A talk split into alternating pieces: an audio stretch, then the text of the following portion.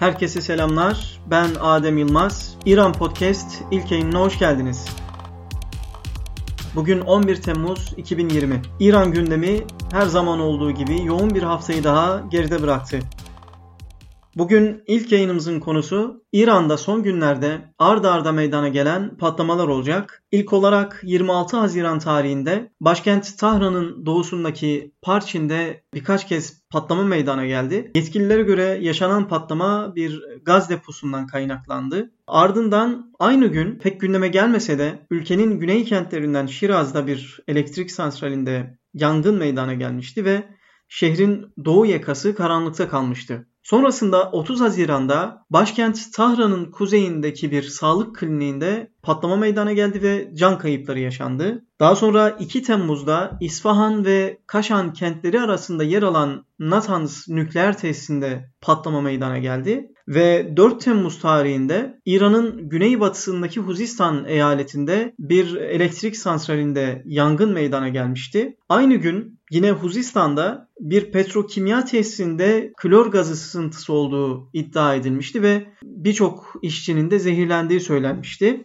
Son olarak 9 Temmuz'da Başkent Tahran'ın bu sefer batısındaki Keres yakınlarındaki e, Germderre bölgesinde patlama meydana geldi. Bu bölgede iddialara göre yaklaşık 4 tane önemli askeri üs bulunmakta. Tabi çanan patlamaların teknik arızalardan kaynaklandığı söylenebilir. Fakat 10 günlük kısa bir zaman dilimi içerisinde bu denli çok sayıda patlamanın meydana gelmesi ve yaşanan patlamaların önemli hassas askeri noktalarda veyahut enerji santrallerinde vuku bulması e, bazı spekülatif iddiaları da beraberinde getirdi. Yaşanan patlamalar içerisinde benim en çok dikkatimi çeken Natanz nükleer tesisi. Zira Natanz İran ve ABD arasında yaşanan gerilimde kritik bir noktayı ihtiva etmekte. Zira 2002 tarihinde yanılmıyorsam Halkın Mücahitleri Örgütü'ne üye Ali Rıza Caferzade tarafından bu nükleer tesis ifşa edilmişti. Bu ifşanın ardından Natanz'daki nükleer projenin ortaya çıkmasının ardından İran Batı dünyası ile nükleer programa ilişkin karşı karşıya gelmişti. Aslında yaptırımların da dayandığı noktalardan, dayandığı tarihlerden, dayandığı bölgelerden birisi Natanz nükleer tesisi. Bu açıdan sembolik bir yeri de var bu tesisin. Sonrasında 2010 yılında İran'daki siber güvenlik uzmanları Natanz nükleer tesisinde santrifüjü kontrol eden bilgisayarlarda Stuxnet isimli virüsün tespit edildiğini söylemişlerdi. Tabi bu virüsten ABD ve İsrail sorumlu tutulmuştu. O güne kadar bir nükleer tesise yapılan en büyük siber saldırıydı bu. Tabi bu saldırıdan sonra aslında İran siber güvenlik politikasını şekillendiren olaylardan birisi de bu Stuxnet virüs saldırısıydı. Çünkü bu saldırının ardından İran'ın siber eylem politikası daha bir agresifleşmiş. 2012 yılında Suudi Arabistan'ın petrol şirketi Aramco İranlı hackerlar tarafından hedef alınmıştı ve petrol şirketinin hisseleri hemen hemen sıfırlanmıştı o dönemde. Yine devam eden yıllarda İran birçok kez gerek ABD'ye ait önemli bankalar olsun, gerek İsrail'deki bazı noktalar olsun siber saldırıda bulunmuştu buralara. Yine Trump'ın göreve gelişinin ardından nükleer anlaşmanın bozulmasıyla beraber İran geçtiğimiz yıl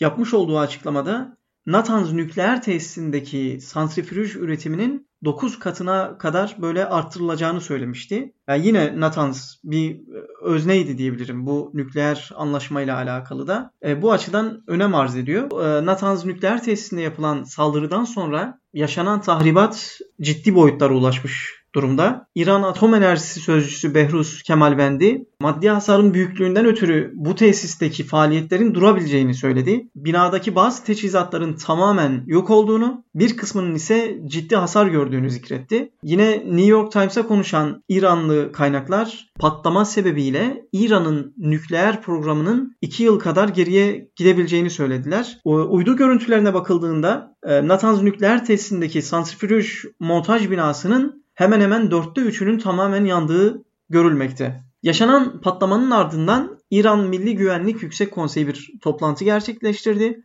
Tabi bu toplantının ardından İran e, Milli Güvenlik Yüksek Konseyi Sözcüsü güvenlik gerekçelerinden ötürü herhangi bir açıklama yapmayacaklarını ve patlamanın sebebinin de tespit edildiğini söylemişti. Bu da aslında belirsizliğe sebep olan bir durum ve şüpheleri daha da arttıran bir durum. Çünkü yaşanan patlamadan İsrail sorumlu tutuluyor genelde. Reuters'a konuşan iki İranlı yetkili İsrail'in siber saldırı yapmış olabileceğine işaret etmişti. Yine Lieberman eski İsrail Dışişleri Bakanı İsrail'in operasyon düzenlediğine dair bir açıklama yapmış. Yine New York Times'ta çıkan bir yazıda İsrail'in bombalı saldırı düzenlemiş olabileceğine dikkat çekmişlerdi. Yaşanan patlamalardan sonra İran'ın resmi haber ajansında çıkan bir yazıda şu ifadeleri yer verilmiş. Eğer İsrail ve ABD'nin kırmızı çizgiyi aştığına dair bir kanıt bulunursa bu yeni durumla mücadele için stratejik bir politika yürüteceklerin dair bir açıklama var. Ee, İran'da patlamaların yaşandığı dönemde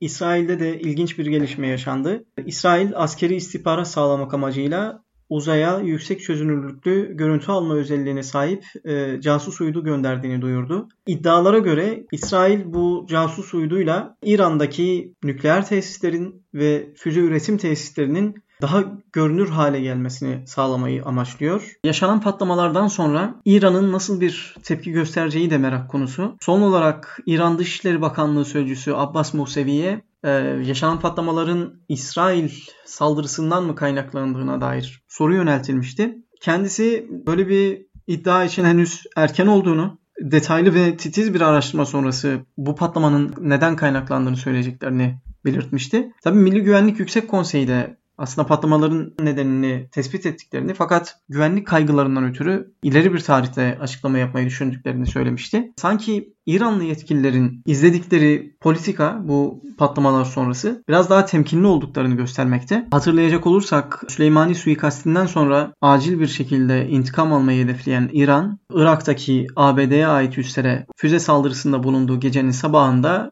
Ukrayna'ya ait yolcu uçağı vurduğu anlaşılmıştı. Bu ciddi bir tepkiye sebep olmuştu. İran hem bu olaydan sonra hem de içinde bulunduğu durumdan ötürü de temkinli davranmayı seçmiş olabilir. Hem etkisini günden güne arttıran ekonomik yaptırımlar hem koronavirüsün sebep olduğu ekonomik e, olumsuzluklar İran'ı bir süre bu durumu açıklamamaya itmiş olabilir. Tabii eğer İran mevcut patlamaların dışarıdan bir saldırı olduğunu kabul ederse buna cevap vermek zorunda hissedecektir kendini. Bu da eğer henüz cevap vermeyi düşünmüyorsa, böyle bir uygun görmüyorsa bu zamanı biraz daha erteleyebilir sanki. Ee, öte yandan yaşanan patlamalar gerek hava saldırısından olsun, gerek siber saldırı, gerekse de içeriden bomba yerleştirmek suretiyle gerçekleştirilmiş olsun fark etmiyor. Bütün bu seçenekler İran'da ciddi bir güvenlik zaafına işaret ediyor. Eğer hava saldırısı kaynaklı olursa bu İsrail'in bölgedeki önemli bir üstünlüğüne işaret ediyor. Zira Suriye'de görmekteyiz.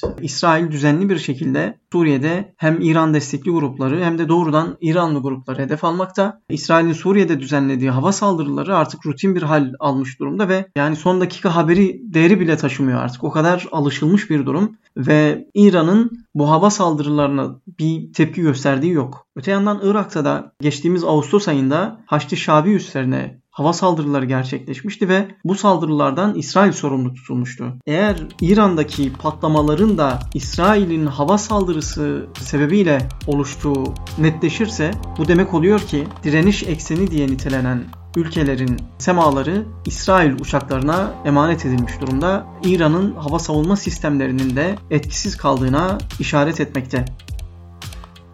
Bir sonraki podcast programında farklı gelişmeleri konuşmak üzere. Hoşçakalın.